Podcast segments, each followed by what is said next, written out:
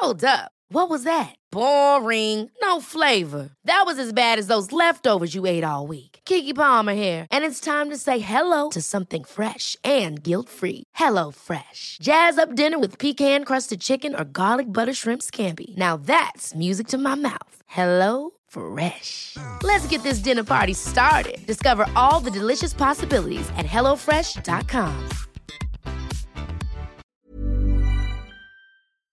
Välkomna till Öppet sinne. Jag heter Paul Elvaje och eh, den här veckan kommer jag bjuda på en så kallad repris, en re-upload av ett eh, gammalt avsnitt. Likadant var det förra veckan då jag bjöd på Yvonne, Yvonne Fuchs när hon pratade om narcissister som då är om inte det mest lyssnade avsnittet på Öppet sinne så absolut topp tre skulle jag säga bland de mest lyssnade och ett av de avsnitten som genererade väldigt mycket delningar, jag fick väldigt mycket DMs just efter det avsnittet och därför valde jag då att dela det. Då är jag just nu i en liten sån här reprisfas där jag håller på att strukturera om lite i, i det som är öppet sinne. Ehm, det här avsnittet, det är med Helene Olsson, en eh, gammal kollega och vän till mig. Sen, oh, man inser hur gammal man är när man ska säga det, men det, jag, jag tror att vi lärde känna varandra för typ någonstans 15-20 år sedan då vi båda jobbade som personliga tränare på, på ett gym. Och eh, vi har alltid kunnat prata med varandra väldigt mycket på djupet och hon har också sagt saker till mig som, som har fått mig att inse vissa grejer om mig själv. Eh, och det kommer i det här avsnittet. Och det här avsnittet, det är, det är inte en intervju, det är mer ett, det här är verkligen ett, ett vackert samtal mellan en, en man och en kvinna som delar alla möjliga tankar och filosoferingar om, om livet. Och det här är verkligen, det här är verkligen ett av mina favoritsamtal och jag kommer att separera verkligen på vad som är samtal och intervjuer för att den här podden ni som har följt den länge, ni har nog märkt att ibland blir det en ren intervju, jag ställer frågor, gästen svarar, men ibland blir det en, ett samtal, det blir en konversation. Och det, det kan alltid variera, men det här är verkligen ett av mina favoritsamtal. Så för er som gillar djupa samtal där vi filosoferar om livet, kärlek, känslor, acceptans, den inre resan, så är det här avsnittet precis det du ska lyssna på. Jag vill också passa på innan vi börjar att rekommendera min nya podd. Min nya podd heter Dagens citat.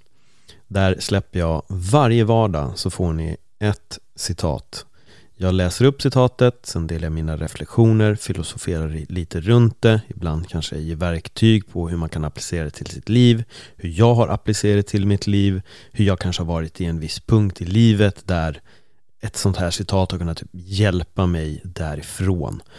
Eh, jag kommer också att nu, direkt efter det här, bjuda på ett citat från just dagens citat. Om ni gillar det ni hör, gå jättegärna in i podden, ni hittar länken i bion, lägg en prenumeration och missa inte ett enda avsnitt. Men här har ni först och främst då ett citat från ett citat, eh, ett citat från dagens citat och sen efter det så kommer avsnittet med Helene Olsson. Ja, jag får önska er en fantastisk dag och lyssning. Hej då! Välkomna till dagens citat. Jag heter Paul Elvaje och i den här mikropodden kommer ni att få ett citat om dagen. Den här veckan lägger vi fokus på stoikerna och ingen mindre än just Marcus Aurelius. Ja, jag är väldigt nyfiken på hur det här citatet kommer att landa hos er. Så eh, vi sätter igång. Det är dags att du inser att du har något mer kraftfullt och mirakulöst i dig än de saker som påverkar dig och får dig att dansa som en docka. Vad tänker du när du hör de här orden? Det är dags att du inser att du har något mer kraftfullt och mirakulöst i dig än de saker som påverkar dig och får dig att dansa som en docka. Hur ofta känner du att du blir påverkad av det yttre? Av andra människor av andra individer. Folk som kanske har en åsikt och tanke om vad du borde göra. Jag kan tänka mig speciellt unga människor så är det en ganska som klassisk när man har blivit äldre. Ja, men mamma eller pappa var så involverad i det här och egentligen så gick jag inte den utbildningen jag ville. Jag ville egentligen söka det här jobbet men de avrådde mig från det. Och då är det ju helt plötsligt den här dockan som dansar åt deras pipa om man säger så, vad de tycker och tänker är bra. Och det behöver inte bara vara där. Det kan även vara så att du är anställd på ett yrke och du har en chef som har en viss inverkan på dig så att du känner att du är en marionett under den. Du kan vara i en relation där saker och ting också påverkar dig så att du blir den som dansar som en docka.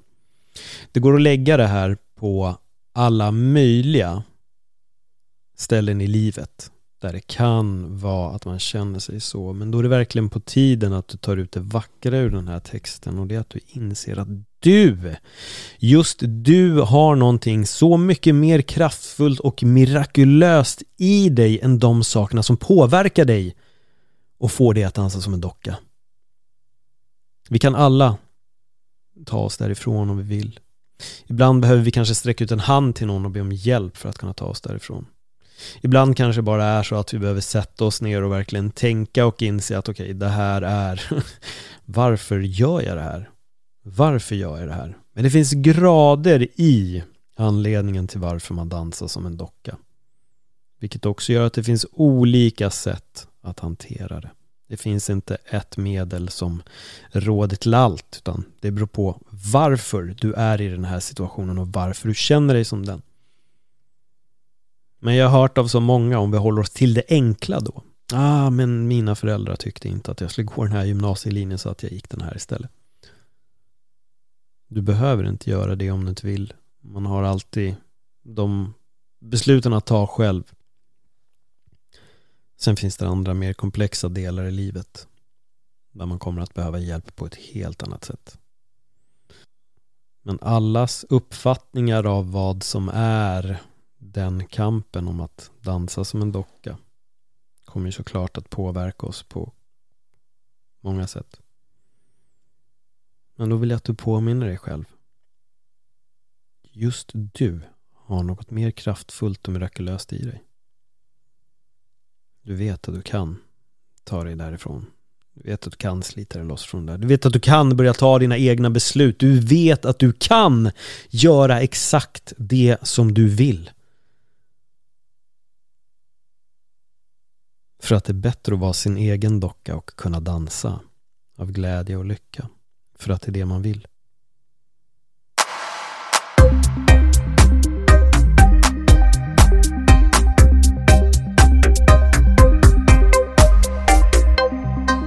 Helene Olsson, välkommen till Öppet sinne. Men tack så mycket Paul. Ja, du, du faller ju in i kategorin Pauls vänner. Ja. Och du och jag lärde känna varandra på Sats för en väldigt massa år sedan när du och jag jobbade ihop på Zenit. Mm. Med, jag jobbade som PT, du höll på med PT, men också yoga. Och Ja. där, där fann vi varandra. Det var två själar som möttes. Det var ju lite så faktiskt. Ja, Vi var eh, tajta. Ja faktiskt. Eller är. Ja. Fast kanske, det är ju levande. På Ja. ett nytt sätt nu. Jo, men det är det jag tycker är så spännande med det, för jag ringde dig förra veckan och tyckte att du och jag behövde luncha och då insåg jag att jag vet inte om det är två eller tre år sedan vi har hörts. Och så är lite vår relation, att vi ser ju såklart varandra på typ Facebook, eh, men däremot så hörs vi ungefär varannat, var tredje år och så sätter vi oss och pratar om allt möjligt och vi hamnar alltid i djupa diskussioner om, om livet och allt annat därtill. Mm. Ja, och sen går en liten period och sen hörs vi igen. Mm. Men det är ändå alltid den här väldigt, vad ska jag säga, det är, så, det är så få människor som man kan ha det med. Och det på något sätt blir också, i min mening, lite så här unika vänner. Som Mm. man också kan höra av sig till när det har gått en tid, utan att det är konstigt. För vissa är så här, jag har inte hört av den här personen på två år, äh, men jag skiter i att ringa. Mm. Men med dig är det så här, fan jag har inte hört av Helene, vi har inte snackat nu på ett tag. Nu måste vi, nu måste vi ses. Det var tydligt. Nu är det dags. Ja. Men det är roligt för jag tycker också att du och jag har gjort lite de här äh, inre resorna på ett, äh, på ett speciellt sätt som kanske inte alla halkar in i och det var ju också någonting som du och jag pratade om att det inte alla som gör det. Vi kom in på en ganska intressant diskussion om det när vi, när vi lunchade förra veckan. Mm. Ehm, men jag känner också att det startade ju, jag vet inte riktigt var, hur det startade för mig, men det var så kul när du tog fram den här Eckart Tolle-boken. För då kom jag på också att, jo men The Power of Now, den har jag liksom lyssnat eller om jag hade läst på den. Och det var väl lite där, jag tror att någonstans, jag tror att det var väl en liten start. Och jag vet inte hur det var för dig, började det där också? Eller var det andra saker som fick dig att börja läsa mer eller utforska? Eh, jag var i en relation som eh, eh, höll på att ta slut. Mm. Och det var fruktansvärt jobbigt för mig, även om jag visste kanske att det var dags, liksom, på något sätt. Men jag vet att under relationen också, så undrade jag alltid, är det så här kärlek ska vara? För det var så fruktansvärt jobbigt. Det var min första längre relation. Mm. Och eh, under den där tiden när det började, började ta slut, för det tar ju ofta en liten stund, inte alltid, men det gjorde det. Så uh, gick jag in i en butik och så eh, gick jag fram till den här boken som du nämnde innan. The Power of Now, eller Lev livet fullt ut, som de har översatt den till på svenska. Och så tog jag boken, jag visste inte ens varför. Och så gick jag hem och så läste jag, började läsa och jag var helt... Jag minns till och med den kvällen när jag låg i sängen och det var som ett skifte som skedde inuti, att jag blev medveten om att jag tänkte. Jag hade varit så styrd av tankar innan och nu var det som att det var en sån tydlighet i att tanken var betraktad. Så under den här perioden så minns jag, i den här iakttagelsen, så kom det sån, det var som space inuti och så mycket glädje som kom med det, Mm. som en befrielse på ett sätt. Eh, och på samma gång så var jag i sån sorg. Så, så, så det var verkligen både sorg och glädje som var närvarande eh, under ganska lång tid samtidigt. Och Det var en otrolig lärdom för mig att, att eh, eh, den här sinnesron eller glädjen som, jag, som upptäcktes, att i den så får allt plats. Mm. Och även den, den största sorgen liksom, som jag upplevde då. Så. Jag tycker det är intressant att du säger det här just med tankarna. Mm. Vad sa att tankarna var betraktade eller nå- nå- något i den stilen? Jag tycker Mm. det var väldigt bra, för det jag är känslomänniska och mina tankar kan ju spinna väldigt mycket och speciellt när det gäller kärlek så kan Mm. jag verkligen, känslorna får mig att börja tänka så otroligt mycket. Eh, och ibland kan det bli ganska jobbigt när man är överväldigad av de här känslorna. Mm. Men samtidigt när man börjar betrakta tankarna och försöker analysera dem och förstå känslan som jag gjorde. Jag har nämnt det här i min podd tidigare, vi har pratat om det här du, du och jag också, att jag hade gjort en, jag pratade med min mamma och kom in, för jag bodde hos henne, jag hade stambyte hemma. Och då tog jag upp så x antal punkter som jag tyckte var så otroligt jobbiga med mig själv, typ mina känslor. Det var jättejobbigt och hur jag kunde spinna iväg med tankarna och allting. Och så snubblade jag över en, en bok hemma där jag läser om stjärntecken och så går jag in och kollar på kräftan och så allt jag hade förklarat för min mamma stod där. Och det var så här, bara, nej men du skämtar, kände jag.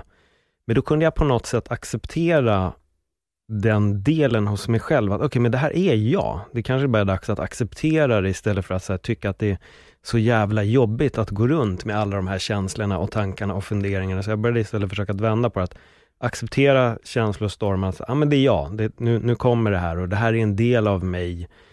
Och det har underlättat för mig. Och Mm. samtidigt börjar som du gör, att man blir väldigt medveten om att man tänker och kan börja iaktta sina egna tankar. Det är ju otroligt långt gått på ett sätt och det hände ju väldigt fort för dig. Det är ju som ett så, så Mm. började du förstå dig själv. Och det är ju lite egot som spökar känns det som där. Och att helt plötsligt blir du medveten om ditt eget ego kanske. Ja, man ser ju att det är en röst i huvudet Mm. som låtsas vara jag, som Tolle säger det. Och jag tycker det är så eh, talande, just det här. Och som du nämner med känslor också, för tankar och känslor i min upplevelse blir som en rundgång. Mm. En tanke föder en känsla och känslan föder mer tankar och så mm, där är vi liksom. Och även när känslan är bevittnad. Eh, Jag trodde nog länge att, att det handlade om en distans emellan mig och känslan. Men ju mer tiden har gått så känns det som att mm, jag är här, jag vill leva fullt ut. Känslan är helt och fullt inkluderad, men jag känner en men jag är den inte. Mm. Och den blir mer tydlig. Liksom. Ja.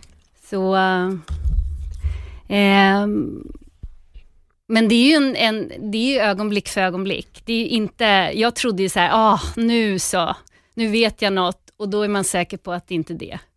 liksom. alltså det är så, det är verkligen så här, man blir omkullkastad igen och igen. Eh, och det är så vackert. Alltså livet vet, jag vet inte. Nej. Den är... Um, för det finns ju en... I mig har det varit mycket både dömande och arrogans, för att det är så mina pro programmeringar har varit, i och med min barndom och strategier för att kanske mm, överleva. Nu låter det dramatiskt, men det känns ju så när man är liten och går igenom dysfunktionella relationer med mamma och pappa, som, Mm. som min upplevelse var, lite grann, mm, eller mer, jag vet inte. Men, och då blir det ju, man hittar sina sätt, men det är ju där lidandet är när man växer upp sen. Mm. Eh, just det här att man känner sig... Eh, jag hade en, en känsla länge, som fortfarande ibland gör sig, gör sig påminn, att jag känner mig eh, distanserad från livet. Det är jag mot livet. Eh, men den har ju också varit hjälpen för att titta djupare och se vad jag inte är, om man säger. Var vad tror du den känslan kommer ifrån? Eller den tanken? Eh, det vet jag inte, Nej. men jag... Eh, den är väldigt invand. Jag tänker att man som liten, om man inte känner sig sedd och speglad, så blir det ju att man behöver göra allt i sin makt för att överleva. Mm. Och då behöver man klara sig själv. Jag tror att de tankemönstren lätt utvecklas. Var de kommer ifrån vet jag inte. Det är ju det kollektiva och jag ser inte direkt längre tankar som mina tankar, utan att det är tankar. Och bara där så släpper mycket grepp. liksom. Mm. Men, eh, eh, men, jag- men jag känner så här, som min mamma och pappa gick bort ganska nyligen. Mm. Och jag är så glad över att, mm, jag upplevde väl aldrig att vi eh, kanske förstod varandra riktigt, men det gjorde inte så mycket i slutet. För det fanns en större acceptans i mig på något sätt. Att, att det är som det är och där möts man på något sätt i acceptansen, Mm. som vi har pratat mycket om också. Ja, vi satt och pratade om det väldigt mycket senast. Otroligt Det- mycket om det just som det är acceptans. i allt liksom. Mm. Och det är ett så komplext ämne att på något sätt manövrera. Jag satt här för någon vecka sedan och försökte spela in ett avsnitt själv om acceptans. Och jag kände bara, jag vet inte om jag bara sitter och snackar skit här, men Mm. jag kände att när du och jag bollade det, Mm. då tycker jag att då, då, då hände någonting. Då, för då blev det två synsätt. Vi båda satt och liksom filosoferade som jag gillar att säga om just acceptans. Jag tycker det är väldigt intressant, för jag märker också att just acceptans är någonting som vissa hör, men förstår inte rikt, de förstår inte riktigt konceptet. Ehm, och det är ju otroligt svårt att bryta ner vad är egentligen acceptans. Eh, som jag sa, att jag var tvungen att acceptera den här känslosidan hos mig. När jag väl accepterade den blev det lättare att hantera den istället för att kriga emot den. Som Mm. du säger också om din familj, att nu finns det en acceptans om allt. Då, då. Eh, och då blir det alltid lättare. och jag tror mycket på att just vi måste försöka acceptera vissa eh, situationer och omständigheter som vi hamnar, hamnar i. Men jag vet inte fan riktigt hur man gör. Jag vet inte hur man förklarar för någon att göra det heller. Jag tror att acceptans är en insikt, att antingen så kommer den till dig någon gång under livet, eller så gör den inte det. Mm. Det är väl min lilla teori om acceptans. Jag tror man kan förklara den fördärvad, men om du aldrig får insikten själv, då, då kan alla förklaringar vara förgäves på ett sätt. Och jag vet inte var min egen insikt om acceptans har kommit. Jag har bara sakta men säkert förstått det mer och mer och mer och börjat jobba mer och mer med det. Att acceptera situationen som den är, eller acceptera att jag inte förstår, eller acceptera att jag inte kan kontrollera min känsla eller någonting som händer runt omkring mig. Att bara försöka acceptera att det är så här och det är okej. Jag kan inte göra något åt det. Men ändå är vi där inne ibland och vill styra och, och försöka. Och jag tror att egot gör de största, skapar de största spökena hos en själv på många, många plan. Mm. Men jag vill bara säga en grej angående kärlek, för, för du har, gav ju mig en insikt om, om kärlek för många år sedan när vi jobbade på Sats. Eh, och det Spännande. Var just, ja, nej men verkligen. och det var ju det, jag träffade en tjej och det var väldigt eh, mycket känslor, det var väldigt passionerat. Och vi började, jag började berätta det här för dig, jag pratade om det och då säger du det att Paul, du får vara försiktig med att inte förväxla passion för kärlek. Eh, och jag insåg att... Sa jag? Ja, det sa du. Det sa du. Och den har varit kvar med mig hela Mm. tiden, den frasen. Det var för att det var så klockrent. Du Mm. prickade mig till 100%. Jag hade verkligen förväxlat passion och kärlek. Eh, jag trodde att det var den ultimata passionen man var tvungen att ha för att känna kärlek. Mm. Och det gjorde många gånger att jag säkert ville inte gå och fördjupa mig i någonting, även om det kändes rätt bra så ville jag inte fördjupa mig, men jag var alltid ute efter den här totala passionen. Jag ville bli överväldigad av passion när jag träffade någon. Fick jag inte det, då var det ungefär bara så, okej, vi kan ligga en period, men sen är det här ganska klart. Liksom, jag kommer inte gå djupare. Jag hade världens sköld under många år, där jag inte riktigt släppte in liksom en, en tjej i mitt liv. Eh, men just din förklaring var verkligen, ja, du hade rätt. Det var det jag förstod och då försökte jag börja vända på mitt synsätt istället. Vad är det egentligen jag vill? Vad är det egentligen jag är ute efter? Kan kanske passion ändå växa fram sen? Och, men jag var tvungen att nästan ha den här superpassionen från och med sekund ett, så skulle det bara slå fyrverkerier. Mm. Det är nog jag, vanligt va? jag tror det. Mm. Jag tror det är väldigt vanligt. Mm. Jag känner Ja. igen mig i det själv, det kanske var därför jag sa det. Förmodligen. är det, eller hur? Ja, Vi kan ju bara relatera till det vi vet. ja. Och, Nej men verkligen. Men det, ja, ja. Vad fan fick du den där klockrena kommentaren Ja, men det ifrån? var väl Du kanske- skakade ju om mig ordentligt med den. ja, men det var ju någonting som eh, var time för Mm. att se och växa i och mogna Mm. i. För jag tror den där passionen, den... Jag, jag känner ju kanske att den inte behöver vara utesluten, Nej. men eh, det behöver inte vara den som styr. Och precis det du säger, det är ju fantastiskt när man börjar kunna se att, för den går ju alltid över. Ja. Det är ju aldrig något som håller i, eh, så, i alla fall inte i de få längre relationer jag har haft. Nej. Så är, är det olika uttryck som kärlek tar sig. Mm. Och kanske också måste jag säga att det jag trodde var kärlek är nog inte riktigt vad det, vad det, vad det, vad jag idag eh, har fått glimtar av, kan jag säga. Mm. Vad det är. Jag har nog länge eh, trott att kärlek är samma sak som beroende. Ja, okej. Mm. Hur, hur, tän- hur, menar, hur tänker du då? Eh, men just att mm, det här, svårt att förklara, men just när det handlar om eh,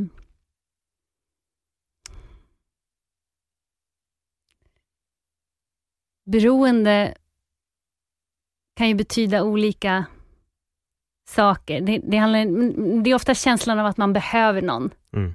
och att mitt liv är inte fullkomligt om inte du är där. Mm.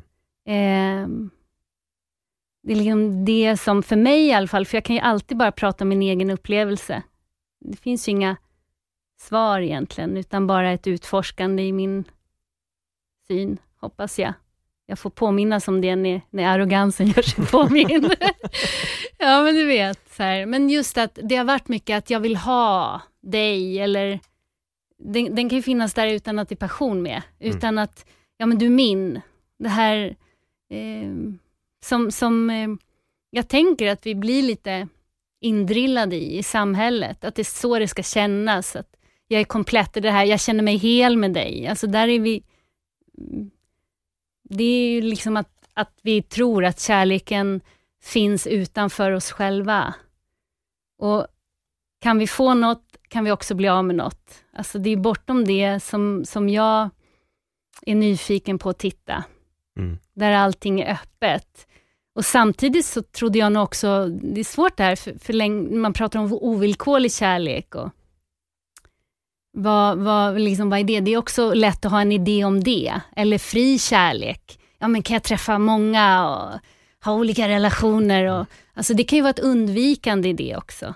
Så det, här, det, det finns ju verkligen inget rätt eller fel. Nej. Vi har vår resa, men för mig har det mer och mer varit total ärlighet. Och, och då tänker inte jag en ärlighet som känns att jag ska säga till partnern eller till, i alla mina relationer vad jag tycker och tänker alltid. Det kan vara behövt ibland, men mer att vara fullständigt ärlig i det som känns. Och också våga ta risken i kärleksrelationer kanske, om vi nu Det är där det är som mest. Liksom. Mm. Att ta risken. Jag satt och pratade med en otroligt kär vän om det häromdagen. Att alla de här strategierna vi håller på med, spelen och ah, om jag gör det här för, mig, för dig så gör du det här tillbaks. och man håller på och bara visa att du tycker om mig. Jag kommer ihåg när jag hade min, eh, den här relationen jag nämnde i början. Mm. Jag satt och du vet, försökte vara lite så här frånvarande för jag kände att jag ville att han skulle bekräfta mig. det var så otroligt liksom. Ja, och så minns jag, kom det en tanke efter, så bara, Helene, du gör i alla fall så gott du kan. Du vet, så här, jag kunde inte mer, jag såg inte mer. Men du vet så här, att det hela tiden i det här spelet och mer och mer blir det för mig att också, som jag sa, jag satt med en vän bara nu i helgen, att våga ta risken att faktiskt eh, relationen, att lämna varann. För att ärligheten är det viktigaste. Liksom. Och då tänker jag ärligheten gentemot sig själv, det som är närvarande i varje stund. Ibland behöver det uttryckas, ibland är det bara att, att liksom hedra den här känslan eller upplevelsen själv och låta den få bli sedd. Liksom. Jag, jag önskar, jag kan säga så här, jag är inget proffs på relationer. Det är en av mina absolut mest utmanande arenor Mm. när det gäller kärleksrelationer. Men jag har märkt att i mitt fall så är det väldigt mycket rädslor som har styrt och det är också det, de, att de har blivit sedda så mycket, att, att, att, för man orkar inte leva så liksom. Vi har varit för så här, jag orkar inte. Nej, Alltså, jag, Ja. jag känner igen mig i mycket av det du skriver, eh, det du säger, förlåt jag säger skriver för att jag sitter Ah. för lite anteckningar, för det finns väldigt mycket att packa upp i det du har sagt här. Det finns, det finns många saker vi kan gå in på, så jag var Paul, jag vill bara säga så här, jag är ingen bra på att hålla röd tråd, så du får vara den Inte som jag bara, heller. vi kommer Inte jag spåra ur liksom. Tro mig när jag sitter och poddar, jag flyger åt alla håll. När jag förklarar min inre resa, jag bara, ja nu är jag sprätad åt alla håll, men det är för Ah. att den är så jävla komplex. Och kärlek är ju så otroligt komplex. Det finns ju inte en, en, en, en röd tråd helt enkelt. Utan ska man diskutera för kärlek måste man ta en promenad ut i skogen och bestiga något berg och simma i en liten sjö, åka ner för en å. Alltså det är så det blir med- när det är kärlek. Krama ett träd. Exakt. Men jag tänkte lite på en sak här som jag, som jag antecknade ner. Och det är det här att min upplevelse av väldigt många, och du, du säger ungefär i ett sätt det här behovet av en annan, beroende av en annan. Det är att jag upplever att många försöker söka sin, sin egen inre lycka genom en annan människa. Att träffar jag den här personen som har de här attributerna, då är jag lycklig. Mm. Och så träffar man en och så försöker folk flyga in i en relation och så är det allting är helt perfekt och så tar det slut och så är det nästa och så är det nästa och så är det nästa. Jag har börjat spekulera i väldigt mycket att det känns mer som den här totala flykten ifrån sig själv. Mm. Att du vågar aldrig upptäcka dig själv så att du hela tiden söker din egen lycka och dina svar genom att börja träffa en annan person. Mm. Eh, och det vill säga det mönstret jag har sett hos väldigt många. Sen finns det ju de som är tvärcoola, träffar någon, någon gång ibland och då tycker jag oftast att det verkar i alla fall som att relationen är väl bättre, kanske mer seriösa. Men, men det är min spekulation liksom. Men, Mm. men, men jag,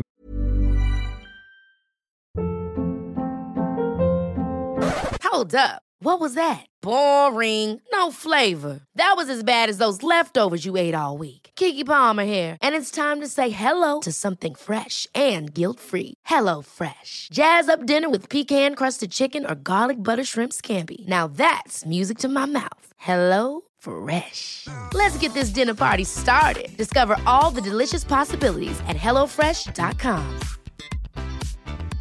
I'm Sandra, and I'm just the professional your small business was looking for. But you didn't hire me because you didn't use LinkedIn jobs. LinkedIn has professionals you can't find anywhere else, including those who aren't actively looking for a new job but might be open to the perfect role, like me. In a given month, over 70% of LinkedIn users don't visit other leading job sites. So if you're not looking on LinkedIn, you'll miss out on great candidates like Sandra. Start hiring professionals like a professional. Post your free job on linkedin.com/people today. Fan alltså det är svårt för samtidigt så, så, så är det ju verkligen att, att dela lycka med en annan person är fantastiskt. Men jag tror att faran är när lyckan ska vara en annan person. Mm. Den är, väldigt, ihop. den är väldigt talande tycker jag, det du säger.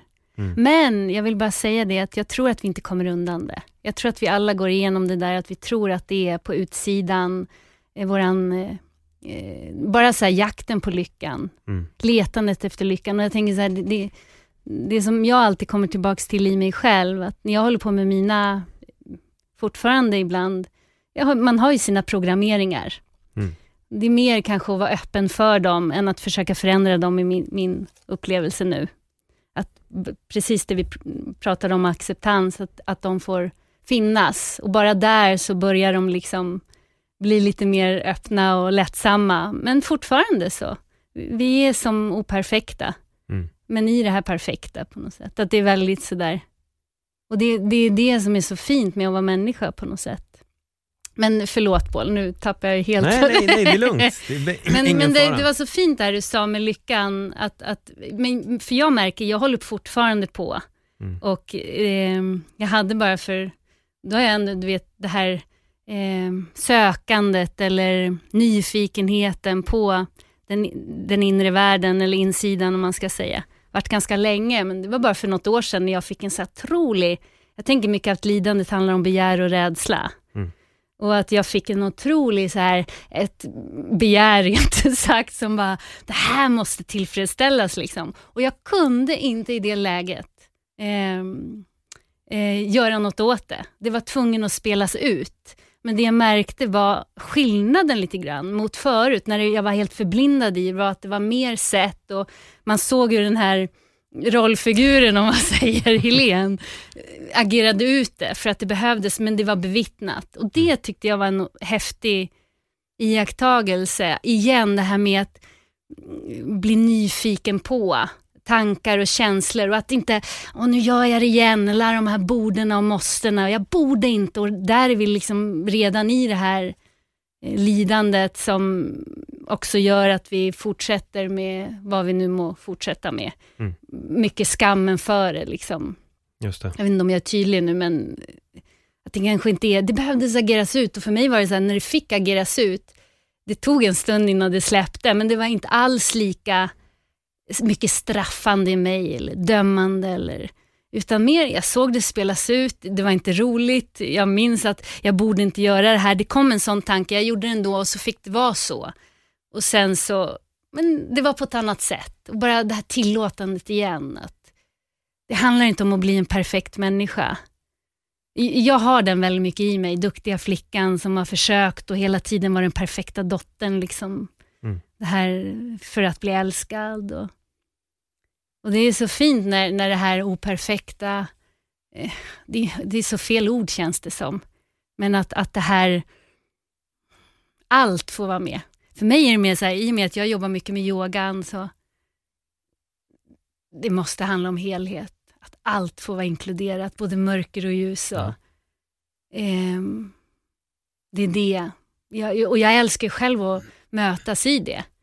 Där ingenting eh, trycks undan eller det här är inte okej eller det här är, bara det här är okej, utan allt får spelas.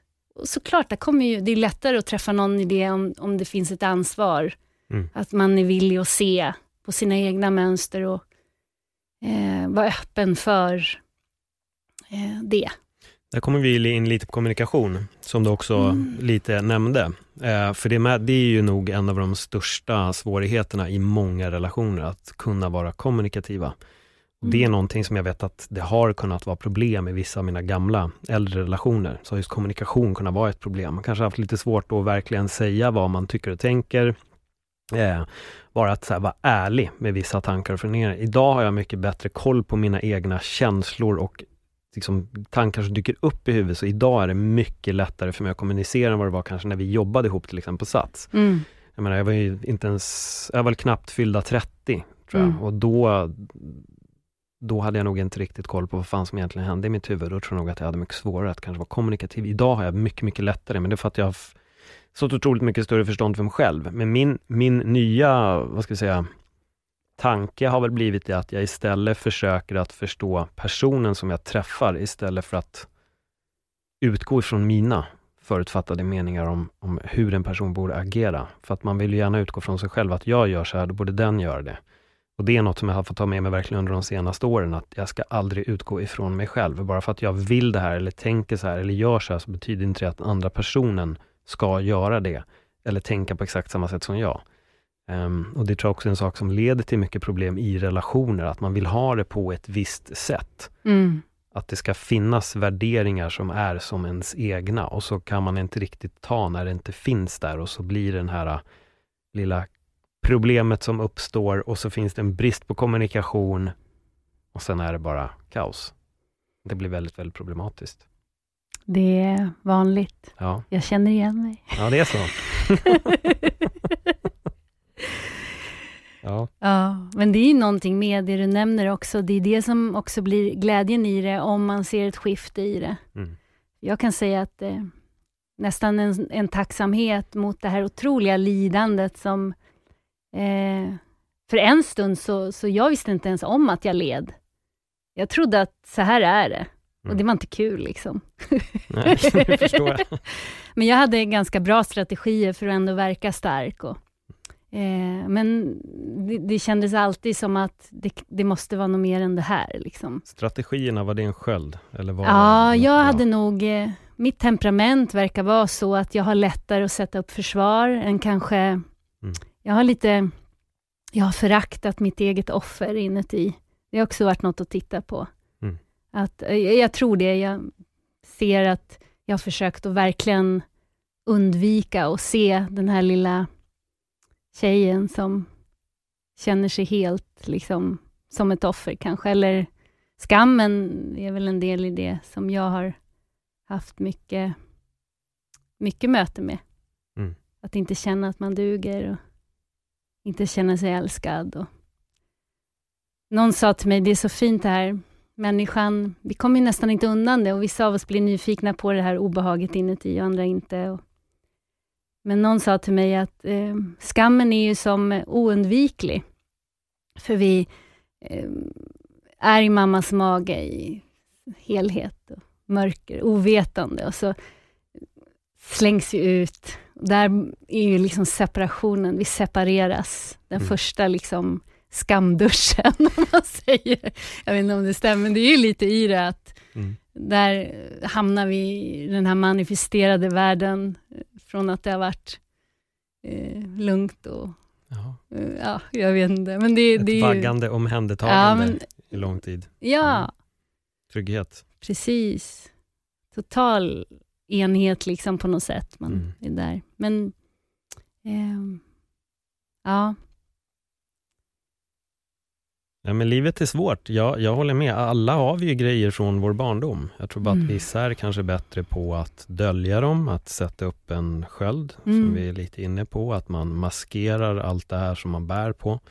Många sätter på ett stort leende på ansiktet och menar att livet är tipptopp och sen helt plötsligt ser man att det är bara en mask och sen flyger den av så finns det sorg där bakom och, Mm. och, och det är så jättevanligt. Jag har sprungit på flera människor i mitt liv som har varit de här otroligt glada, för glada mm. och sen när de väl öppnar upp sig, då bryter de istället ihop Mm. och inser att, och är ärliga med att det är en fasad. Och jag har aldrig riktigt förstått varför, men jag tror att det är för att då vågar man inte blicka in.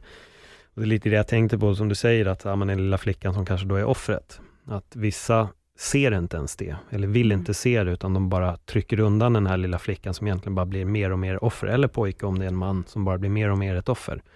Och det är ju en otrolig fara i sig och där tror jag att då, då där har vi den inre resan. Man, man måste påbörja den på något sätt. Man måste börja blicka inåt. Man måste börja lyssna på sina tankar. Se vad är det här? Är det mitt ego som lurar mig eller finns det sanningar i det jag tänker? Och, och det är ju konstant. Eh, och jag kan hålla med mig även i det du säger med relationer och rädslor. Alltså det är ju... Det var no, jag, vet inte, jag har hört det säkert från fler, men som säger att ja, men om det är på riktigt, då, då är det enkelt. Jag skulle nog säga att när det är på riktigt, då kan det fan också bli jobbigare. Det kan bli mycket jobbigare när känslorna blir på riktigt. Då kan jag själv få panik i vissa instanser. Mm. Att känna att fan, det här är jobbigt. Orkar jag verkligen gå igenom det här? Mm. För att det är skitvackert. Alltså det är så otroligt vackert under vissa instanser.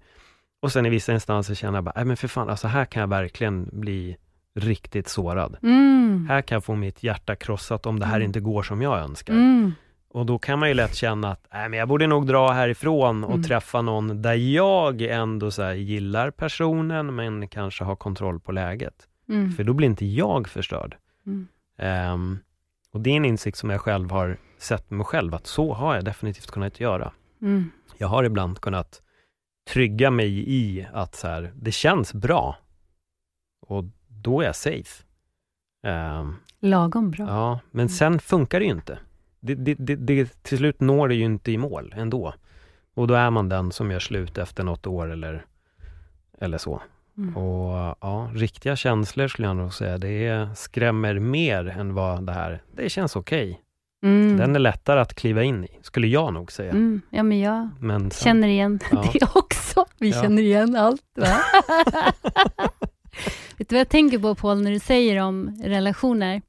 Något som har eh, slagit mig mycket i eh, relationer, för allt. Vi relaterar ju till allt. Liksom. Men något som verkligen har varit en sån utandning för mig, rent ut sagt, det är att jag ska ingenstans i dem.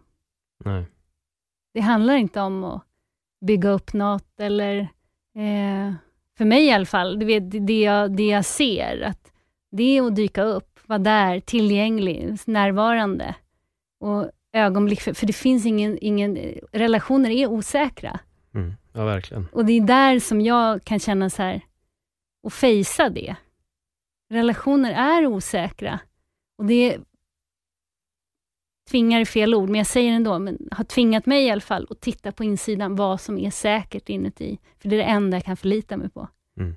Och det är så, just det att det är osäkert och det är det som är det levande också. Att inte safea och lova mig det här, så lovar jag dig det här och så blir det något trångt eh, sammandraget och man slutar se varann, som i alla fall har hänt för mig. För man ser genom sina filter och du borde och du måste och du har lovat mig det här. Istället för att våga, det är så fint det här med den här öppna handen liksom. Mm. Vad svårt det är med ord ibland. jag vet. Ja, för det är ju verkligen inte, vi pratar om något som inte, som är bortom ord. Ja. För mig i alla fall, som är mer om och om igen och se, vad är det här för mig? Ställa de här frågorna inåt. Är jag ärlig nu? Är jag, försöker jag liksom safea något som, och direkt där, för mig blir det plattfall då, att det inte finns nå, någonting levande i relationen, vare sig det är kärleksrelation eller vänner, eller, det är samma i grunden, för, för mig i alla fall. Mm. Att det är den här öppenheten för att bara vara nu. Vi ska ingenstans. Det handlar inte om att vi träffas nu för att safea nästa vecka. Liksom. Mm, Nej. Det, det, det är i alla fall för mig har varit en så här, ah, ja just det. För det är där det levande bor. Att våga leva i det här osäkra och, och mm, också då hitta det säkra i mig. Det som alltid är här, still, Mm. varandet, närvaro. Det här som vi kanske pratar om en del som öppet sinne, som din podd heter. Men vad är det? Att det är det som är att lägga eh, blicken mot. Vad är det i mig? Mm. Det är svårt. Ja, alltså det är ju, det, det är både, kan du hålla med mig om att det är både, någon sa så här, livet är så, livet är inte lätt, men det är väldigt enkelt. Ja, jag kan, jag Ja. kan förstå det väldigt mycket. Jag tror att vi försöker komplicera det Sinnet. många, många gånger. Absolut. Lätt va? Ja. Ja. jag vet ju själv hur många varv man tar. Mm. Istället, och så som du sa det här när vi jobbade tillsammans, för jag minns också när jag stod inne i, eh, när vi jobbade som PT, Mm. och jag hade blivit, börjat bli så lite nyfiken på vad jag kände. Du vet, det var väl i samband med den här Eckart Tolles bok. Och jag bara, men jag har ingen aning om vad jag känner. Det är bara ett virrvarr där inne. Jag hade liksom ingen koll. Det var så många lager och det var så turbulent. Och en känsla förkläddes med en annan för att kanske inte våga känna det här råa, nakna, öppna, sårbara. Som är liksom vägen till allt i min eh, upplevelse. Mer och mer. Ja, Nej, men det, det, jag, jag kan inte göra annat än att hålla med, för det, det är verkligen så jag känner med. Jag, jag, jag tänkte bara på när jag eh, fick eh, mitt hjärta lite krossat, nu är det väldigt länge sedan, men... men Jag tänkte säga grattis. Ja, men, Men, ja. men det är rätt. Ja, alltså, det, det är faktiskt det är rätt. Det är helt rätt. Mm. Ehm, för jag pratade med en vän och vi kom in på det här och jag var liksom knäckt. Mm. Eh, och responsen var då istället, var glad att du har fått uppleva det du har gjort här. För Mm. att det är inte så många som får det och vissa får aldrig det. Det var mer så, vissa får aldrig uppleva de känslorna som du har upplevt här. Så var glad att du har Mm. fått det. Eh, och det, det ändrade ju också på mitt så här, vad ska jag säga, perspektivet på vad som hade hänt. Det är klart, jag var ju knäckt. Jag ville ju inte att det skulle vara över. Eh, men samtidigt så kände jag också på, med facit i hand, så blev det verkligen att fan, jag har faktiskt fått vara med om någonting som jag inte har känt förut. Eh, och den känslan har jag väl spekulerat mycket, att den växer ju inte på träd. Jag har tänkt för mig själv och bollat den idén med många andra när vi har diskuterat kärlek och varit att jag tror att du kan pricka den med max två eller tre personer i ditt liv och då är du otroligt lyckligt lottad. Mm. Otroligt lyckligt lottad för att vissa gör det aldrig. Men jag tror att om du hittar den igen, då är det med max två eller tre personer till. Eh, hittar du den med många mer, men då är det ju fan otroligt tur i kärlek och då är det väl en fråga om varför det inte håller istället, för man vill kanske börja rannsaka det där. Men Nej, det var, det var en, ja, som sagt, återigen insikter, lite som vi har pratat om och som jag har nämnt flera gånger i min podd också. Det, för, för mig har det handlat om, om små, små insikter, att det, man kan, som vi sa innan, få någonting förklarat, men det är först när insikten kommer, det är då man fattar. På riktigt. Man kan tycka sig förstå någonting, men det är först när man har fått insikten som det verkligen faller på plats. Pusselbiten lägger sig eh, där den ska. Men jag håller med dig om, om, om rädslor som du pratar om också. Fan, det är skitläskigt. Och Mm. alla spelen som jag tycker är så kul, för alla som äh, du vet, jag håller inte på med något spel. Men sen ser man det direkt, att okej, men nu är det ju ändå ett spel. Mm. Nu är du ju där och gör de här grejerna i alla fall. Paul, jag tror jag körde de mesta spelen när jag sa att nej men nu är det inte så farligt. Du vet, som att jag var när jag pratade om det, så Mm. var det nästan som värst. Men det är svårt, för det är också så här, vi vet ju inte, eller i alla fall som jag märker att eh, vissa saker är i skugg, det är skuggsidorna liksom, Mm. som, in, som inte går att se förrän det är sett, om man säger. Det, det, jag kan inte forcera något, eller det är livet själv som blir läraren. Mm. Som, som, som om jag tar möjligheten i allt det här som känns, känns eh, ett, ett krossat hjärta som du, när man tar möjligheten i det och ser vad är det här, vad, vad är närvarande och känns det och liksom stannar upp i det än att skaffa en till ny relation eller börja distrahera sig, gå ut på krogen. Det är inget fel med det, jag har gjort det så många gånger, men just att när man är redo på något sätt att "Ja, men jag orkar inte springa längre. Man stannar upp och bara, men vad är här? Liksom. Mm. Då är det ju genom det där som man växer och också står stadigare i sina egna skor på något sätt. Det här, vi förlitar oss mycket på samhälle och vad som sägs och andra och hur det ska vara. Och liksom börja lyssna på den här inre rösten är så, kan låta lite klyschigt att säga, men mm, Men jag tror ändå inte att det är klyschigt att lyssna på den. Eller det är, jag brukar säga att klyschan är det sannaste vi har. Mm. Det, är- det är en grej som jag har börjat Ja. referera till det väldigt, pekar väldigt mot något mycket. i alla fall. Det gör det. Att, att det, är inte, det är inåt och inte utåt. Mm. Eller som, som, eh, som, som det sanna, mm, mer sanna bor. Liksom. För jag upplever att väldigt många istället söker sig till mobilen och ibland hamnar jag där också, att man sitter i det här eviga scrollandet. Mm. Bara drar, drar, drar och det händer ingenting. Och det en, för mig är det en, det är en flykt ifrån dig själv. Mm. Du flyr ifrån dina egna tankar och sen undrar folk varför de inte kan sova på nätterna och så vidare. För Mm. då börjar huvudet sätta igång. Men vi måste bli bättre med att bejaka, att sätta oss tyst och kanske lyssna. Eh, jag var ute och gick, i, jag har börjat göra så här jättelånga skogsvandringar och jag går själv, jag har ingen mobil, eller mobilen är avstängd, ingen musik, ingenting. Och då, jag tror jag pratade om det i min podd och då sa jag, jag är ute och går med mig själv, bokstavligen, jag är ute och går med mig själv. Jag går och jag hör mina tankar och så kan jag resonera med de här tankarna. Och det kan ju låta galet i vissa personers öron. Och tänka, va? Jag är en schizofren, ute och går med sig själv. Men när det är tyst, då är det ju en konstant röst i ditt huvud som går. Det är ju inte tyst. Det är ju den här totala hundraprocentiga jag har uppnått zen-mode i meditation, att det blev knäpptyst. Men om du går ut och går i skogen och är van vid att ha musik eller en mobil eller göra någonting, och när den rösten börjar, då kan den börja låta ganska högt och då kan det Mm. börja komma fram rätt mycket jobbigt där också, Mm. i det. Men jag tror att vi måste konfronteras med det mer. Att vi Mm. måste bemöta den här inre rösten som ändå talar, som du sa, då kan man börja bejaka också sina tankar och det är mm. det jag gör när jag är ute och går. Varför tänker jag så här? Vad är det jag tänker?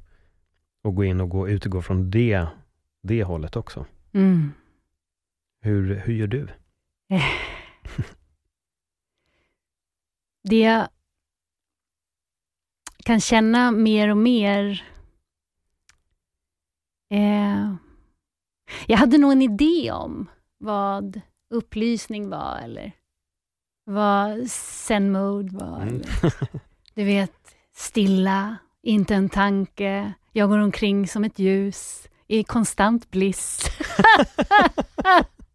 det kunde inte vara mer fel. Och sen, det, det, är som att det där, jag kan känna att det faller bort mer och mer. Den här idén om eh, vad det är. Utan det är det som är så tacksamt med livet, i alla de här utmaningarna. Eh, jag går igenom en, en tid nu där jag känner otroligt mycket ilska och raseri inuti. Jag Varför hade det? det mycket under min uppväxt. Mm. Eh, och blev tystad i det jag upplevde, att jag inte fick uttrycka och du vet, och så tystade man det för att bli älskad på något sätt. Liksom. Men just hur, hur jag gör, som du sa, jag gör nog inget, men det jag känner i skillnaden är att när det här otroligt obehagliga, för det är bara något som jag konstant har velat bli av med, för jag har trott att jag ska gå ut och ha ihjäl någon. Liksom. Med de här tankarna, bara vet, konstant dömande, att människor går i vägen för mig. Och du vet, det är mycket av den här elden som liksom, jag minns den från min uppväxt. Att jag, att jag liksom inte, jag vill inte ha med den att göra den här rösten. Mm. Och den trycktes undan. Och nu känns det som det kanske är en... Eh, eh, livet har gett mig möjligheten att se den mer. Och det, det är som, jag säger okej, okay, så, så, du bara, vad gör du? Jag, jag gör nog inget, men jag är väldigt nyfiken på den. Jag, är inte, jag känner inte rädsla. Ibland gör jag det. Eller jag, ibland, ah, nu räcker det. Men du vet så här, ofta så är det, ah, jag ser dig. Du, vet. du accepterar den? Ja, jag tror inte acceptans är något jag kan göra, men jag tror att jag kan se vad som inte är accepterat. Mm. Eh, och, och, i det, så liksom att, att det blir sett, icke-acceptansen blir sedd. Och, och det är det här transformerande. Men inte göra det för att bli av med det, utan mer för att eh, nyfikenheten på att inkludera inte hålla i, inte gå och bära på det, utan mer bara låta det fullständigt få bli sett och hållet. Och, du vet, den enda som kan lyssna på mig är ju mig. Mm. Det finns ju ingen annan och det kan också låta som en... Men jag blir så här, i alla, alla lägen jag har önskat att människor ska lyssna på mig. Jag kommer aldrig möta någon. Och Jag menar inte att folk inte lyssnar, men det här sanna lyssnandet som handlar om att verkligen, verkligen hålla det som är närvarande i en, det som är här. Det är det. Det är bara jag som kan hålla mig. Mm. Och det, i det kan jag också känna där, efter det kan jag möta och be folk om hjälp, och, som jag aldrig kunde göra förut. För nu är det mer bara leken i den här manifestationen på något sätt. Men återigen Paul, jag har fortfarande, jag, jag vet inte det, kanske, det här med att bli klar blir man väl inte, men förhållningssättet och attityden verkar skifta till det som är och uppstår igen. Ju mer man, eh, man accepterar. Vi kan ju säga så, mm. men samtidigt så tror jag inte att acceptans är något man gör. Nej. Jag kan inte bestämma mig, för en sekund senare har jag glömt det. Liksom. Nej, men det, ja. fin, det, finns väl nivåer på det också. Jag tror att man mm. kan acceptera saker för stunden. Jag menar, du har ändå accepterat sidan hos dig. Mm. Och du bejakar den. Mm. Du lyssnar på den, du låter den komma fram, men du låter inte den konsumera dig. Den tar inte över dig hela mm. dagen, medan vissa människor gör en ju det på. Att den här negativa sidan tar över dem och att det är hela tiden. Det är gnället, det är kritiken, de står och skäller ut folk och så det här konstanta låter den här sidan äga dem. Mm. Det är ju en fara. Du är medveten om den och då har du ju på ett sätt accepterat att den mm. finns där. Precis som jag har gjort med alla mina jobbiga känslostormar som bara kan explodera De är så vackra på Tack. De är ju... De... Finns det några underbara mjuka män? Det är det, för mig är det, så här, det är det starkaste som ja. finns. Ja, vad kul. Tack. Det är, så, det, det är där den sanna kraften bor Mm. på något sätt. När man börjar bejaka det mjuka i sig. Speciellt för män tänker jag, herregud, ni har det inte lätt alltså. Nej. Alltså det blir drillat från barndomen. Jag är glad för jag har aldrig haft det drillat från barndomen. Ah. Det var väldigt skönt. Min pappa sa till mig en gång för jättelänge sedan, kan det vara när jag var i tonåren, då vi, vi började diskutera lite allt möjligt, då sa han det, han bara, "Nej, men för mig, jag har alltid kunnat öppna upp mig för mina vänner och jag har haft så bra vänner som jag har kunnat gråta framför och hade jag inte haft det, då hade jag säkert mått jävligt dåligt och kanske till och med hamnat på psyk och sånt. Men jag, jag har alltid kunnat så här, ventilera mina tankar, gråta när jag har behövt. Så han, jag har aldrig fått det här hindrandet från varken min mamma eller pappa att Mm. pojkar gråter inte, det har aldrig funnits. Tacksamt. Ja, däremot min kompis när han hade gjort slut med sin tjej var ledsen och hans farsa säger du ska inte gråta. Jag bara du, skit i det, gå hem och gråt. Och han ringer mig dagen efter och bara, tja, jag gjorde som du gjorde, som du sa, fan vad skönt. Mm. Det, var, det var skönt, tack. Mm. Och sen bara ringer han igen, du borde bli eh, terapeut, du är som Dr. Phil. Jag bara okej, okej. Men jag menar fan, för mig har det varit så, jag, jag har aldrig haft ett problem att, att gråta. Det Mm. har aldrig varit ett problem för mig, för jag ser skratt och gråt som samma sak. Det är bara, det är, bara de, de, det är en hårfin linje och vi vet alla att skrattar du för mycket, då gråter du. De går ihop. Det är den motsattas känsla och som jag sa till en, eh, en vän också, som kanske inte riktigt ville gråta, var så här att, men då tycker jag att du ska sluta skratta. Stäng in ditt skratt nu. Skratta aldrig igen alltså. Gör inte det. det är bara, så fort du känner den här glädjen, bara stäng, liksom, lägg locket på. Och jag menar, även om du gråter varje dag men aldrig får skratta, det är ju samma sak som du i slutändan stänger in och till slut kommer du explodera och då blir det väl som Batmans Jokern, att du gör inget annat än att gå och garva hela, hela tiden hysteriskt. Jag tror att båda måste få ut, vi måste Mm. släppa ut skrattet och fan är vi ledsna, släpp ut gråtet. Mm. Sen betyder det inte att du ska stå och gråta hela tiden, alltså det är inte heller rätt väg, men du måste ändå våga släppa ut. Har du sorg, släpp ut det. Folk mår ju dåligt för att folk lägger locket på sina känslor. Mm. Lägger Yeah. locket på sina tankar. Våga inte prata. Jag menar, det vi pratar om nu, jag får en känsla att väldigt många vågar nog inte ens yppa en sån tanke för sig själv. Jag kände aggression. Nej, det gjorde jag inte alls. Och så Mm. bara stoppar man det. Men jag tycker det är bra att, du, att man kan bejaka sina känslor. Det är det jag försöker göra hela tiden. Lite som du sa så bra, att, oh, att man beskådar sina tankar. Mm. Eh, jag får ju påminna mig själv när känslan av vissa känslostormar kommer och det här egot vill, vill lura mig varför jag kanske känner så, som jag gör. Och det är en jävligt tuff nöt att knäcka många gånger alltså, när det väl börjar. Men eh, ja, vissa gånger lyckas man ändå att säga, jaha okej, ah, okej, men nu känner jag bara det här, det är egentligen ingenting. Och då känns det väldigt bra, på ett sätt, när man liksom kan ändå jobba med det. Men jag tänkte lite när du pratar också, det låter ju som Carl Jung, som pratar om skuggan. Mm. Känner du till det konceptet? Ja, så... Ja, ja, ja, skuggsidorna. Precis, Mm. att det är liksom den här mörka sidan lite som du pratar om, att det är de här känslorna och han är också inne på att vi måste kunna bejaka det.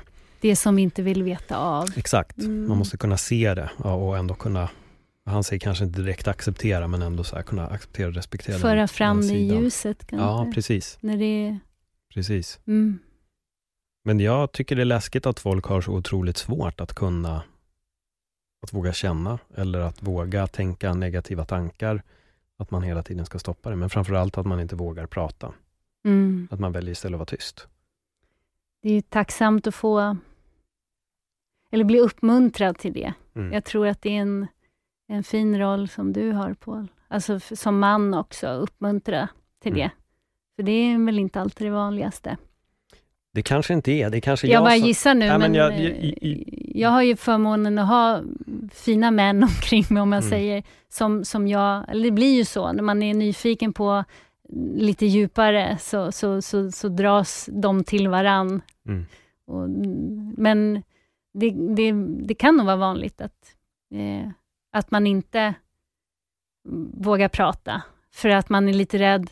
Jag får ju höra det ofta i yogan, att eh, men om jag börjar, eller om jag börjar titta inåt, så vet jag inte vad jag kommer se. Du Nej. vet, man har en rädsla för att det finns något där inne som, som man inte vill se, eller...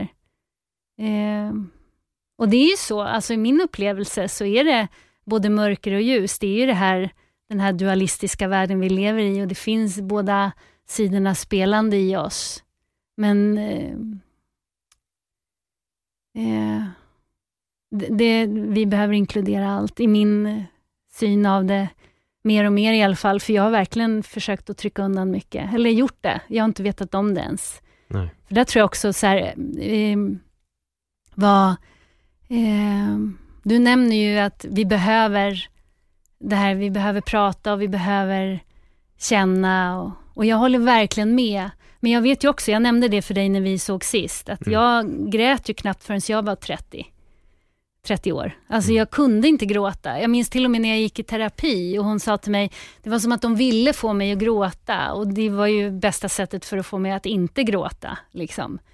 Men just att jag, jag ville så gärna, också jag minns i en, i en relation när jag medvetet straffade partnern. Eh, Och jag, bara, jag stod där och bara, jag vill inte det här men jag vet inte hur jag ska göra för att inte göra det.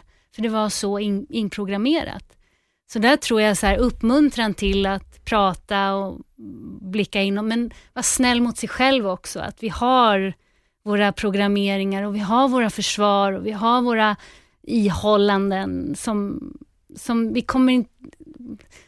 Var snäll mot dig själv. Alltså det är verkligen något som jag tar till om och om igen. Att älska den här lilla tjejen inuti som, som gör så gott hon kan. Liksom. Jag håller med och samtidigt när du berättar det här om att straffa den andra personen, det du egentligen gör är att straffa dig själv. Exakt, och det är ju så alltid. va. Jag, jag verkligen kommer till mig, jag möter aldrig någon annan. Jag möter alltid bara mig själv. Mm. Och det är så, och det är inte kul alltid alltså. Nej. Alltså det är verkligen så här, i det mest djävulska jag tror om någon annan, det är mig själv jag ser som ges en möjlighet och faktiskt, eh, för det enda en känsla vill är att bli sedd. Det finns ju ingenting annat eh, som jag märker igen och igen. Att, att det enda som det vill är att bli, det behöver inte fixas, det behöver inte förändras, det behöver inte bli bättre, det behöver inte, utan bara, bara att det vill bli hållet och sett och känt. Du vet, var med det. Inte hålla det som en, "Ah, det är mitt, utan bara, det är inte ens min känsla, det är en känsla som kommer. Och en tanke som kommer. Vems tanke? Vems känsla? Vi kan ju gå djupare va? Mm, Alltså, det är ju igen så här, vi har en idé om att det är min tanke. Frågar jag dig så är du säkert bekant med min tanke också. Ja, Så frågan är ju vad min tanke är. Bara att säga tanke så släpper det greppet mycket. Eh, om, det är det här ägande om, gud hur kan jag ha så fruktansvärda tankar om, så fort man bara tankar om, där har vi direkt släppt lite. Så den har varit viktig för mig i alla fall att se att jag tar på mig, speciellt när det är liksom obehag, att gud hur kan jag tänka så här om någon annan eller hur kan jag tro det här, du vet, det mörkaste mörka som kan uppleva, det här får ingen veta om mig. Eller så. Men, men direkt så vågar man prata, som du nämner mycket. Mm. Sitter vi så, så får man alltid nästan, ja men jag känner igen mig, om det finns en öppenhet någorlunda i den andra personen så kan relatera till allt. Så frågan är ju vad det här jaget är. Ja, det är den eh, ultimata gåtan. Eller hur? Jag tror att hittar vi det svaret, då vinner vi Nobelpris du och jag. Det är ju så som är så roligt för eh, min lärare som eh, jag sån hängivelse till och det är inte egentligen en person utan det är min egen inre lärare som han pekar emot. Men just det här att eh, eh, det är lätt att prata om ett jag med egenskaper men eh, det är också sett Mm. i oss. Jag är så här och jag är så där. Vem, vad är det här jaget? Det är otroligt. Det var en lång, länge jag mediterade på det faktiskt och fortfarande, vem är jag? Alltså bara ställa sig den frågan och inte vara snabb med ett svar, för sinnet vill ju direkt, ja men jag är ju, och så direkt da, da, da, da, da. Mm. Men bara sitta med den frågan och titta, lyssna inåt. Det är för mig den kraftfullaste meditationen. Vad har du fått för svar? Det är det som är så härligt. För mig, om och om igen bevisas det att jag kan inte ha något svar, jag kan bara vara svaret. Och det är ju... Eh, när jag säger det så är det lite fortfarande en tro i mig om ett rätt svar när jag säger det. Mm. Det är inte riktigt förankrat, men jag börjar nudda vid, jag kan inte vara något som jag kan se, det vill säga tankar och känslor, för de kommer och går. Vem är här och ser allt komma och gå? Mm. Jag börjar tänka på en bild du la på Facebook här för några dagar sedan, Ah. på den här fjärilen som blir stoppad av en polis och så visar han upp sin, Ah. eh, sitt legitimation och din larv och så säger han, är det här du? Det är en gammal bild. Ah! Den är härlig. Ja men den är verkligen det och jag, jag skulle nog säga att det en, man lever i en ständig förändring. I alla fall vi som då väljer att öppna upp oss och blicka inåt. Jag har hört vissa säga till exempel att vissa dörrar ska inte öppnas och sådana här saker. Då, då är man ju inte redo för att kliva in och, och liksom utforska vad som finns där. Men jag, jag tycker väl mer och mer att vårat jag är i ständig förändring och är det inte i ständig förändring då har man stannat upp någonstans. Jag vill ha den här ständiga utvecklingen för när jag jämför Paul 20 och Paul 30 och Paul 33, 36, alltså där händer väldigt mycket därefter de senaste 6-7 åren som jag verkligen har dedikerat på att gå in att utforska mig själv och söka efter svar och verkligen rannsaka mig i vem fan är Paul och vad gör han och varför håller han på som han gör. Då har jag också börjat se massa saker och massa beteenden hos mig själv och jag kunnat liksom bejaka tankarna som finns där. Mm. Men jag tror nog mer att jaget är nog en ständig förändring. Har den inte, förändras du inte, då eh, har du stannat. Mm. Och jag tror att vi behöver hela tiden ständigt förändras. För man blir aldrig komplett, som du säger. Vi- Det, det finns inget rätt svar, utan jag tror att vi hela tiden, vi utvecklas. Vi är konstant den här larven som blir en fjäril och sen blir en ny och en ny och en Mm. ny. Det händer alltid någonting nytt. Mm. Mm. Mm. jag lyssnar. Det är fint hur...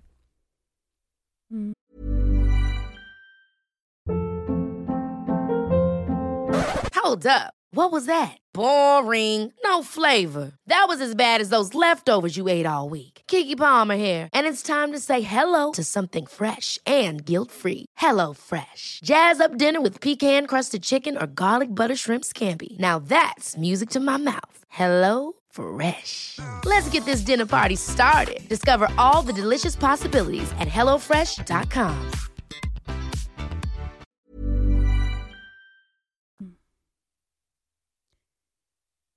Det är ju som att eh, på samma gång när jag säger till dig så här, vem ser den här förändringen? Mm.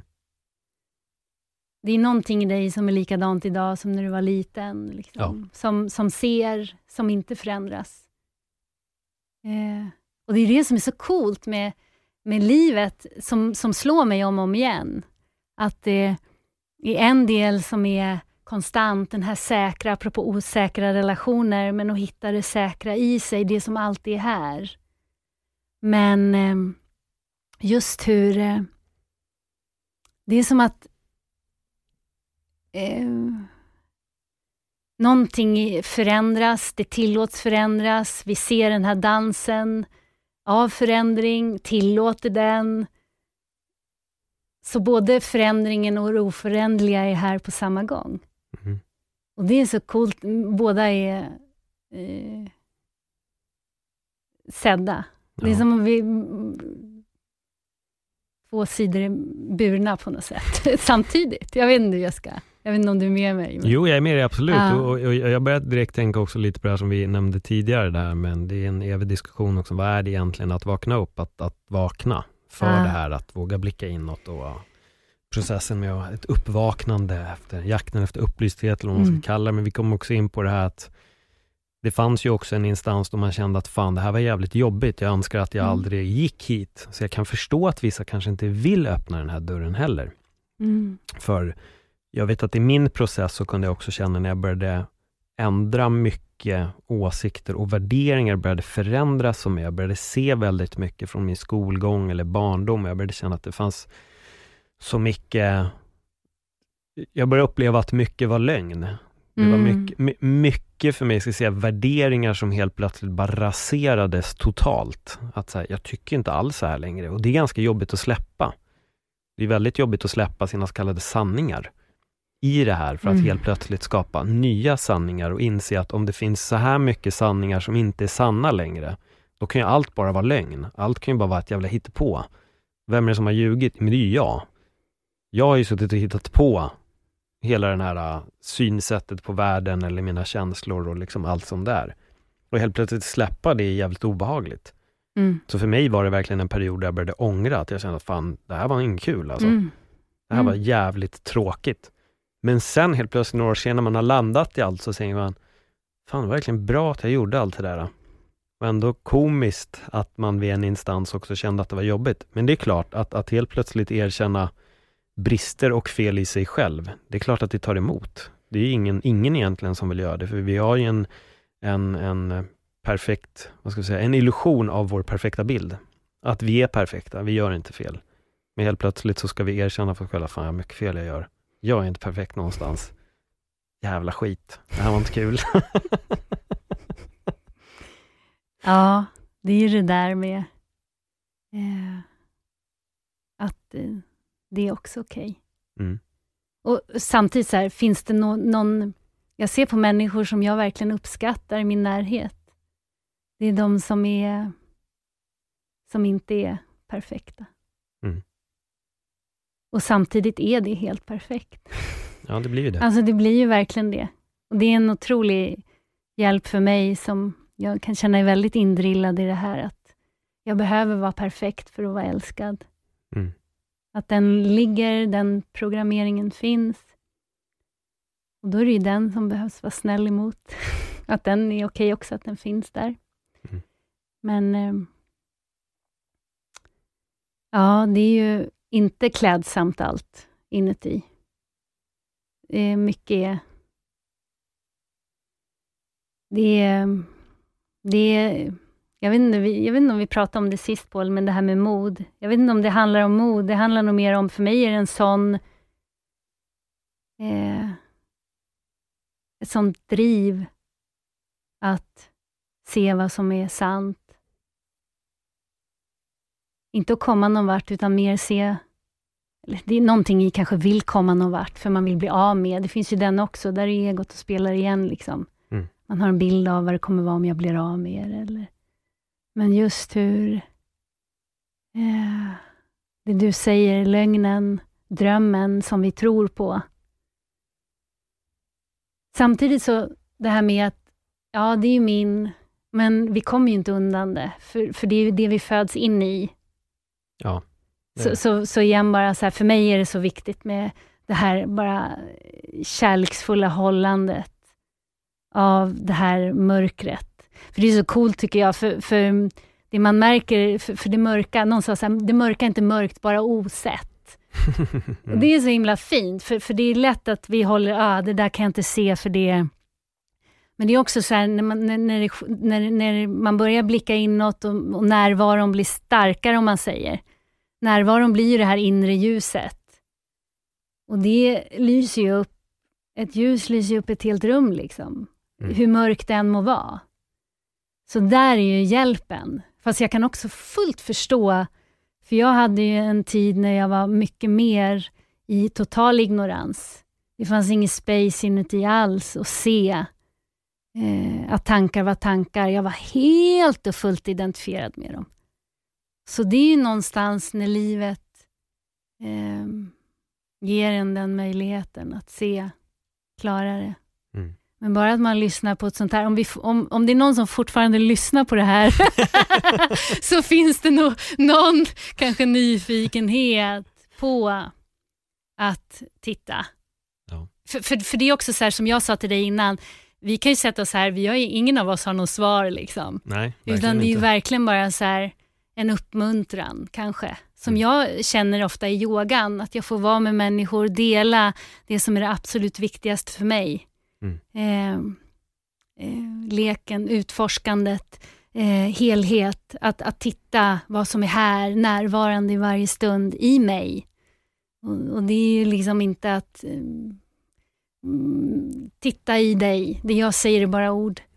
Det kan inte vara någon sanning alls. Det kan bara vara en så här liten hint eller pekande om det väcker något i dig, se vad det är i dig. Jag håller med, det finns inget, precis som vi är inne på, det, det finns inget korrekt svar. Mm. Däremot kan det finnas, som du säger, en, en, en vägledning. Vill, vägledning. um, jag började tänka på en, en gammal historia som jag hörde. Som det är en kille som står uh, ute på sin gård och letar efter sina nycklar. Och då frågar grannen så här, vad gör du? Nej men jag letar efter mina nycklar. Okej, vart hade du dem sist? Nej men inne i lägenheten. Varför letar de inte efter dem där? Nej men det är mörkt där inne. Mm. Men, och så, så här, precis det vi pratade om innan också Paul, vi Mm. alla kan relatera till det. Mm. För jag är också så här, det är ju tacksamheten med att man känner att det är obehag och lidande. För det är där förändringen kan börja ske. För jag, så länge det funkade och allt var ganska lugnt ändå, även om jag tyckte att livet inte var så jävla skoj, så var det ändå att det, det var uthärdligt. Men det var först, först när det började kännas totalt hopplöst som det, som det nästan forcerade ett skifte. Mm. Så ibland kan det här totala hopplösheten vara verkligen dörren in till någonting nytt, större. Eh, Och du sa ju det här innan också att gud, man har en stund när man bara, vad har jag gett mig in på? Ja. Men eh, jag vet, jag känner igen, fortfarande ibland kommer det för mig. Ska det vara så jävla jobbigt det här? Och så, du vet, all energi i kroppen, för det är också så här, det förlöses ju, vi trycker Ja. undan, det sätter sig i våra kroppar liksom. Ehm, men det då kommer ofta tanken till mig, tack och lov, att livet handlar inte om lycka hela tiden, utan det handlar om att växa och utvecklas. Och det handlar inte om att det ska vara enkelt hela tiden. Nej. Eller lätt. Enkel, jag vet, det beror ju på vad vi lägger i de orden. Men eh, det finns ju den här bilden, har funnits i mig i alla fall, att man kommer till en plats och så är det bra sen.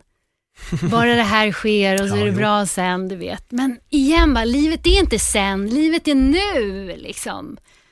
Som du sa till mig, meningen med livet Helene, ja just nu är det att sitta här med dig. Ja. Precis just nu. Det kan inte finnas någon annan mening.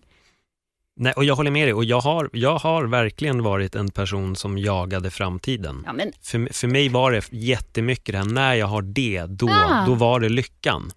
Eh, och någonstans så började jag inse att lyckan är ju här och nu på ett vänster. Det hände ju när jag åkte till Kanada först och främst, att helt plötsligt insåg jag att vad fan har jag hållit på med? Mm. Varför spelar jag in tre poddar i veckan? Varför ska jag ut och köra stand-up varenda dag? Varför sitter jag bara och skriver? Jag har inte gått ut i naturen. Jag har inte levt livet. Jag har inte umgåtts med folk och verkligen umgåtts med folk på flera år. Jag hade hängt med folk varenda jävla dag, men jag hade faktiskt inte på riktigt umgåtts med folk. Vi gjorde inte saker tillsammans. Vi gick inte ut i naturen och, och bara pratade tio pers och började, liksom helt plötsligt var det så här, fan oj, jag har, jag har faktiskt glömt att leva.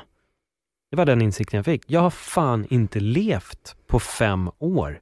Det har bara varit fokus, jobb, karriär, tat, tat, tat, tat, det, det, det här, det här och sen det här och sen det och sen det och sen det. Och när jag uppnår det här, då kommer jag kunna leva livet och bara, då ska allting vara så jävla nice och lyckligt och då är det, det, det är bara bra liksom. Mm. Men vad fan, helt plötsligt inser jag att nu har det gått fem år och jag har inte ens tagit en paus. Jag har inte ens stannat och bara, vad vill jag egentligen? Och det är där jag tror också, det som de, folk brukar gå in på det här med att ja, men det kanske också, det finns en anledning till varför också många känner sig att ta livet av sig. Mm. Man, det, lyckan ligger inte i det, utan lyckan ligger någonstans i att också hitta sig själv, våga blicka inåt, som vi är tillbaka då till kärlek till exempel. Det kanske inte är att söka en annan person som ska göra dig lycklig. Det kanske inte är en karriär. Det kanske inte är en summa på bankkontot som kommer ge dig lycka. Lycka i slutändan är att kanske stanna, ta en paus, våga leva som du säger, nu. Mm. Det här är det enda som är viktigt, det är det här som är nu. Mm. För vi vet på riktigt inte om någon av oss lever imorgon. Det har vi egentligen ingen aning om. Mm. Vad som helst kan hända. Men vi går verkligen runt med en inställning att vi dör aldrig. Och sen får folk en chock när de blir 50 eller 60 eller 70, vissa till och med 30. Jag fick väl min när jag var 20. Eh, att vad fan är jag i livet liksom? Det här hade inte jag tänkt. Men jag vill ju aldrig ligga på dödsbädden och ångra. Jag plötsligt säger, gud, jag borde ju egentligen ha utan ta vara på här och nu. Blir man inte påmind om det också Paul? För jag känner ju alla de här eh, grejerna jag har haft mig för, för att sträva efter lycka, eller Mm. tro att den är utanför mig själv. Och så får man något som man har önskat sig och så är man nöjd i fem minuter och sen så vill man ha någonting mer. Så där blir ju liksom beviset på något sätt att, att det här som vi kallar ego blir aldrig mättat. Liksom. Mm. Det är alltid framåt, det är alltid mer, det är alltid, finns alltid något bättre. Liksom. Och Det är verkligen någonting som jag har lagt märke till mer och mer, att det, det finns ingen ultimat partner eller sak som kan göra mig lycklig. Jag märker, det blir som beviset i livet igen och igen, att får jag det som jag önskat mig, visst jag blir nöjd, det är som att egot blir fullständigt tillfredsställt i tre minuter och sen bara, ah, vad vill jag ha nu? Du vet, det, då kommer det någonting nytt. Och det, det, det, det, är en sån fin hjälp det där, när man börjar lägga märke till det, och man tar den såklart, att, att det, det, det, det är omättligt. Och där är det så här, det, vi får springa konstant, eller jag har ju försökt. Det är därför som, det, jag minns när jag satt hemma i soffan, du vet, hade inget att göra och så bara superstressad inuti. Det var som om hela kroppen bara kröp. Jag bara, inget att göra. Varför är jag så stressad? Det var ju som att ja, men, tillfredsställa någonting att hitta, liksom, TV, telefon. Du vet, man så ovan att bara sitta och vara. Eh, då fick jag komma ihåg, jag tipsade, sitt och bara ha långtråkigt till en. Jag bara, helvete heller. Men det var någonting i det. Sen kan jag känna ju mer, mm, det här med att vara, kanske mer det blir ens fokus. När sinnesron blir det viktigaste av allt. Och det, det är liksom dit man tittar tillbaka till. Vad, vad är här och vad som inte är sinnesro. Det är det som vi får liksom mm titta på. För sinnesron själv kan man inte titta på, känner jag, utan den är ju alltid här och så ser man vad som inte är sinnesron. Och det. Men eh, det är att se det här konstanta spelet i oss, tror jag, som, som, som innebär att vara människa. Ja, eh. det är inte bara i relationer vi spelar spel. Nej. Konstant va? Ja. Försöker bedra oss själva i det också. Ja, men du vet. mot oss själva. Jag vet så här, du vet när man försöker, eller jag har försökt, du vet så här, är det något destruktivt som jag har varit i? Och så försöker jag måla över det med någonting, ja men eh, jag kanske behöver det här ändå för att, eller du vet, mm. det är mm. som att det bäddas in istället för att bara face it till en. Liksom. Mm. Det är inte, inte lätt, vi har våra lager, du vet, men det känns lite du vet, som en så mönstrad tapet. Och så målar man den med ett lager vit färg. Mm. Ligger där och pockar på, sig igenom, ah, och så gör man allt för att slippa se den. Liksom. Mm. och så målar man med ett lager till vit färg. Nej, du vet, då begravs det ännu mer.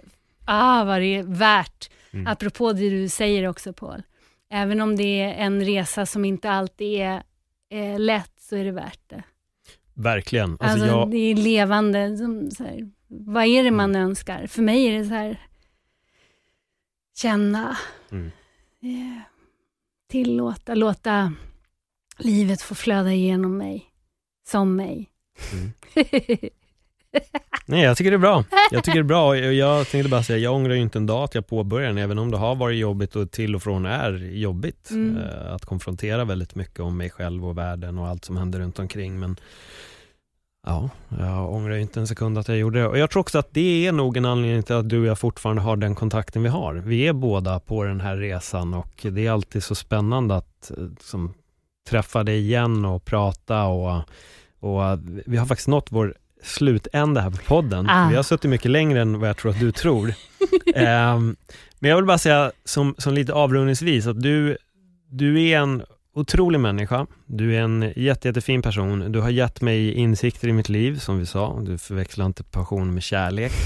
Varje gång jag träffar dig så känner jag att vi kan bolla idéer. Det handlar inte bara om att jag pratar eller att du pratar, utan vi verkligen bollar våra idéer. Och det är unikt för mig, för det är inte alla som man kan göra det. Mm. Vissa pratar man till och andra lyssnar man till. Men här känner jag att du kan gå in på ämnen, prata, utvärdera och vi gör det liksom tillsammans på ett sätt. Ehm, mm. Så kort och gott, du är en fin vän och jag älskar dig Helene. Ja, men, jag tycker du är fantastisk. Jag älskar dig Paul. Ja. Du är helt fantastisk. du är med. och vi kommer vara tvungna att sätta oss igen och podda, så jag ah. hoppas att du vill komma tillbaka för att jag känner att eh, den här gången nådde vi väldigt, väldigt, väldigt eh, bra så här, hållpunkter i, i min podd. Och det är det, det här öppet sinne går ut på. Mm. Det är precis det vi har suttit och pratat om nu som för mig är att ha ett öppet sinne. Mm. Att våga bejaka och våga, våga utforska. Tack själv. för att jag fick komma. Så Ja. tacksamt att få prata om det. Mm. Det som inte går att prata om. Fast det gör det ju. Men eh, ja, orden är, är mm, begränsade. Men, Ja. Vi kanske skulle behöva göra symfoniorkester istället så att folk verkligen ska förstå vad vi menar. Ja. För musik ibland kan ju förklara känslorna bättre. ja, och vrida dansa det lite. Exakt, exakt. Nej men super, super tack verkligen för att du kom Mm. hit och eh, att vi fick eh, prata. Och vi ska sätta oss vid tillfälle igen. Det Mm. ska vi definitivt göra. Tack Paul. Ja, tack så mycket Helene. Till er som har lyssnat, om ni gillade det ni hörde, dela det jättegärna med, med era vänner och börja öppna upp ögonen och bejaka era tankar och eh, våga utforska det inre och våga analysera det själva. Med det säger jag tack för att ni har lyssnat och eh, ha det jättebra. Hej då!